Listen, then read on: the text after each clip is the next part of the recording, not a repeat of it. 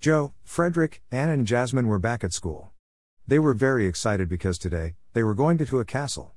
Not just any castle, they were going to Blueville Castle. Blueville is the city where Joe, Frederick, Anne, and Jasmine lived, but it was the new Blueville on the other side of the side of this old Blueville. When they got on the bus, the wheels popped and everyone started to panic. Luckily, the bus driver knew what he was doing and fixed it, but it took really long, and so when they got there, the ticket they were using for trip expired.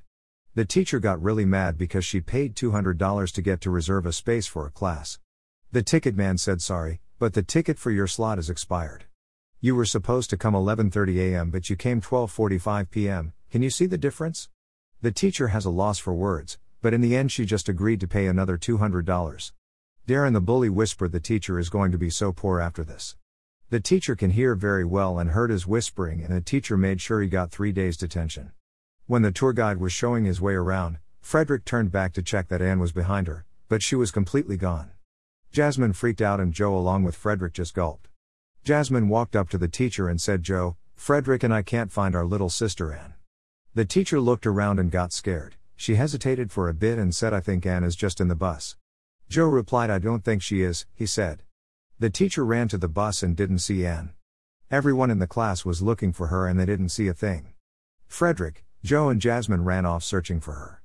They checked the bathrooms, the counter, and the cafe, but they couldn't see her anywhere. Joe got so sad and sat against the castle wall. Little did he know that it was actually a secret entrance and fell through.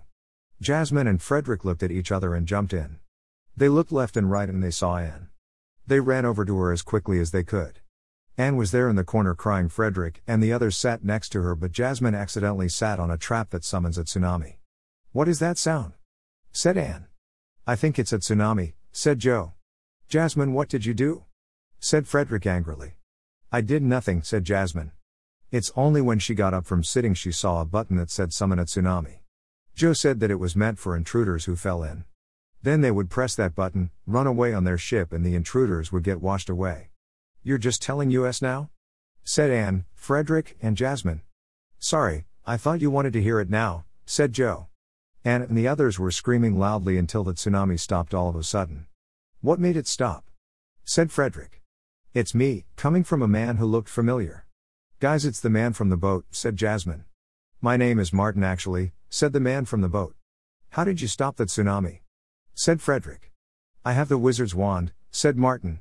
Wasn't that thing taken away from you when you went to prison? said Anne. Anne, be polite, Jasmine said with a grin. No, no, it's okay, I managed to convince the police I was innocent and the wizard was not, so yeah. Can you get us out of here? said Frederick. Of course, said Martin. Once Martin got them out, he flew away with the wizard's wand. The teacher said, How did you find Anne? All about skill, teacher, said Joe.